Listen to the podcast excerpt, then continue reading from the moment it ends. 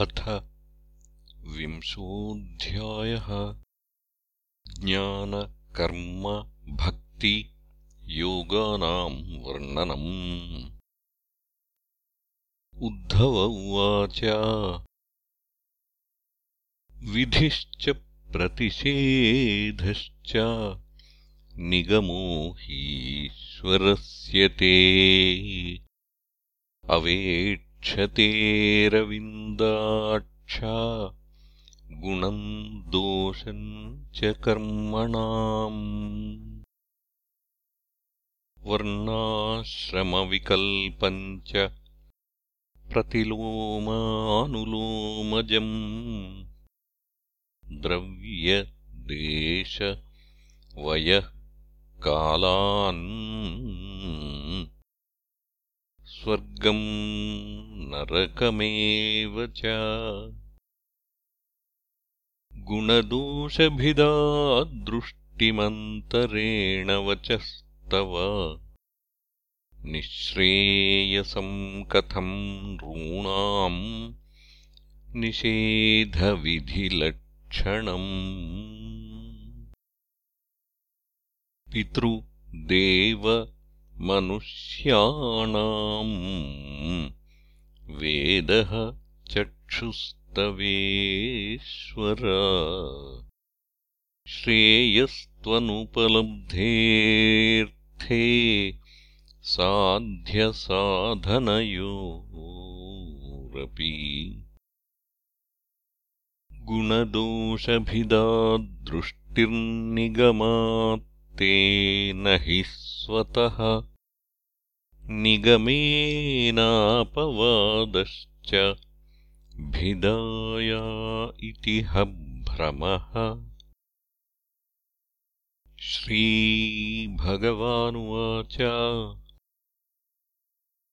योगास्त्रयो मया प्रोक्ता नृणाम् श्रेयो विधित्सया।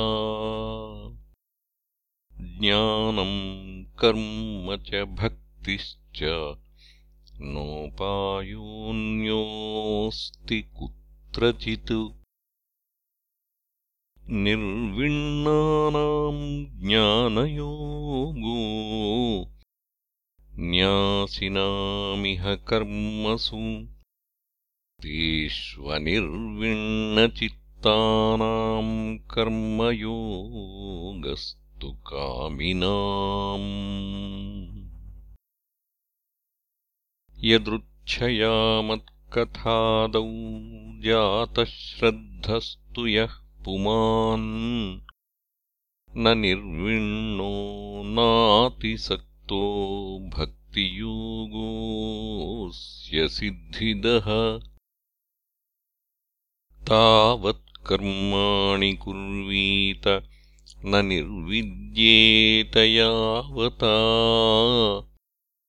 मत्कथाश्रवणादौ वा श्रद्धायावन्न जायते। स्वधर्मस्थो यजन् यज्ञैरनाशीः काम उद्धव न याति स्वर्गनरकौ यद्यन्यन्न समाचरेत्। अस्मिन् लोके वर्तमानः स्वधर्मस्थो नघः शुचिः ज्ञानम् विशुद्धमाप्नोति मद्भक् वा यदृच्छया। स्वर्गिणोऽप्येतमिच्छन्ति लोकम् निरयिणस्तथा। साधकम् ज्ञानभक्तिभ्यामुभयम् तदसाधकम्। न नरः स्वर्गतिम् काङ्क्षेन्नारकीम् वा विचक्षणः। नेमम् लोकम् च काङ्क्षेत। देहावेशात्प्रमाद्यति एतद्विद्वान् पुरा मृत्योरभवाय घटेत सः अप्रमत्त इदम् ज्ञात्वा मर्त्यमप्यर्थसिद्धिदम् छिद्यमानम् यमैरेतैः कृतनीडम् वनस्पतिम् खगः स्वकेतमुत्सृज्य क्षेमम् याति ह्यलम् पटः। अहोरात्रैश्छिद्यमानम् बुद्ध्वायुर्भयवेपथुः। मुक्तसङ्गः परम् बुद्ध्वा निरीह उपशाम्यति नृदेहमाद्यम् सुलभम् सुदुर्लभम् प्लवम् सुकल्पम् गुरुकर्णधारम् मयानुकूलेन नभस्वतेरितम् पुमान् भवाब्धिम् न तरेत् स आत्मः यदारम्भेषु निर्विण्णो विरक्तः संयतेन्द्रियः अभ्यासेनात्मनो योगी धारयेदचलम् मनः धार्यमाणम् मनो यर्हि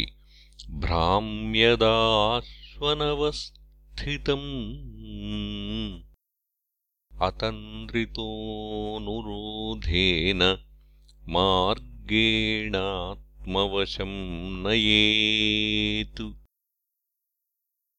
मनोगतिम् न विसृजेज्जितप्राणो जितेन्द्रियः। सत्त्वसम्पन्नया बुद्ध्या मन आत्मवशम् नयेतु।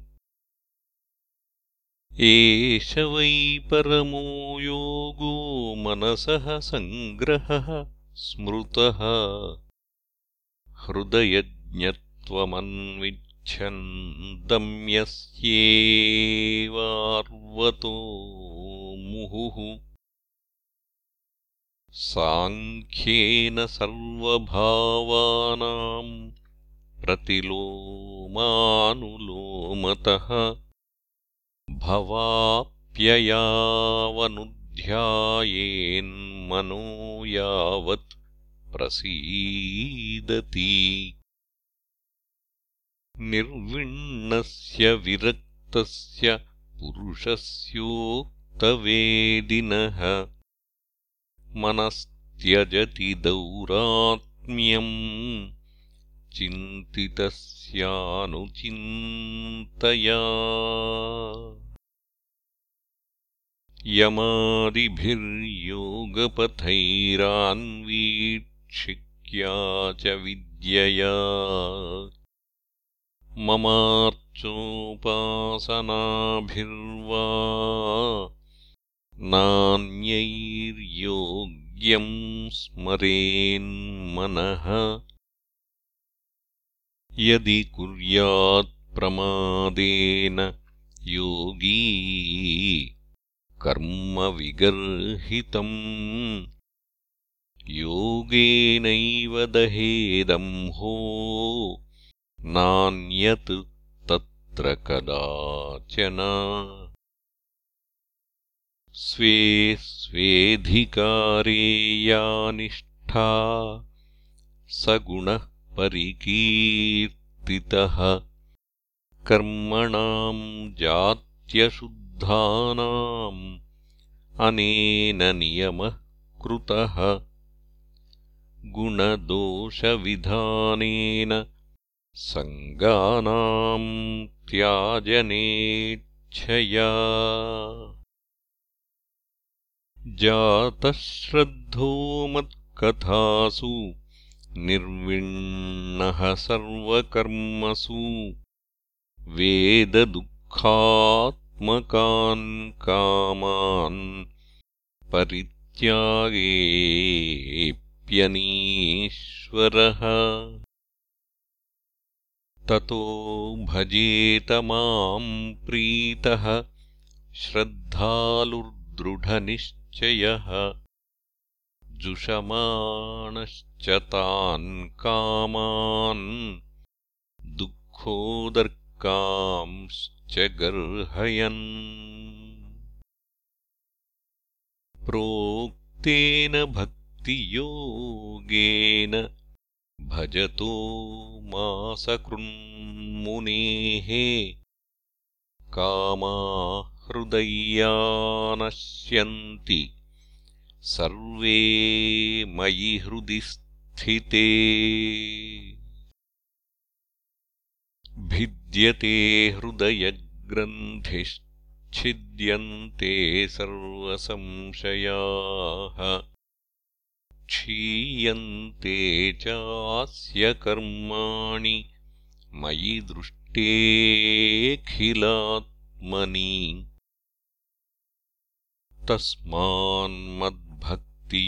तस्मान्मद्भक्तियुक्तस्य योगिनो वै मदात्मनः। न ज्ञानम् न च वैराग्यम् प्रायः श्रेयो भवेदिह। यत्कर्मभिर्यत्तपसा ज्ञानवैराग्यतश्च यत्। योगेन दानधर्मेण श्रेयोभिरितरैरपि सर्वम् मद्भक्तियोगेन मद्भक्तो लभतेऽञ्जसा। स्वर्गापवर्गम् मद्धाम कथम् चिद्यदि वाञ्छति। न किञ्चित्साधवो धीरा भक्ता ह्येकान्तिनो मम। वाञ्छन्त्यपि मया दत्तम् कैवल्यमपुनर्भवम्। नैरपेक्ष्यम् परम् प्राहुर्निःश्रेयसमनल्पकम् तस्मान्निराशिषो भक्तिर्निरपेक्षस्य मे भवेत्। न मय्येकान्तभक्तानाम् गुणदोषोद्भवा गुणाः साधूनाम् समचित्तानाम् बुद्धेः परमुपेयुषाम्। एवमेतान्मयादिष्टाननुतिष्ठन्ति मे पथः। क्षेमम् विन्दन्ति मत्स्थानम् यद्ब्रह्म परमम् विदुः। इति श्रीमद्भागवते महापुराणे पारमहंस्याम् संहितायाम् एकादशस्कन्धे विंशोऽध्यायः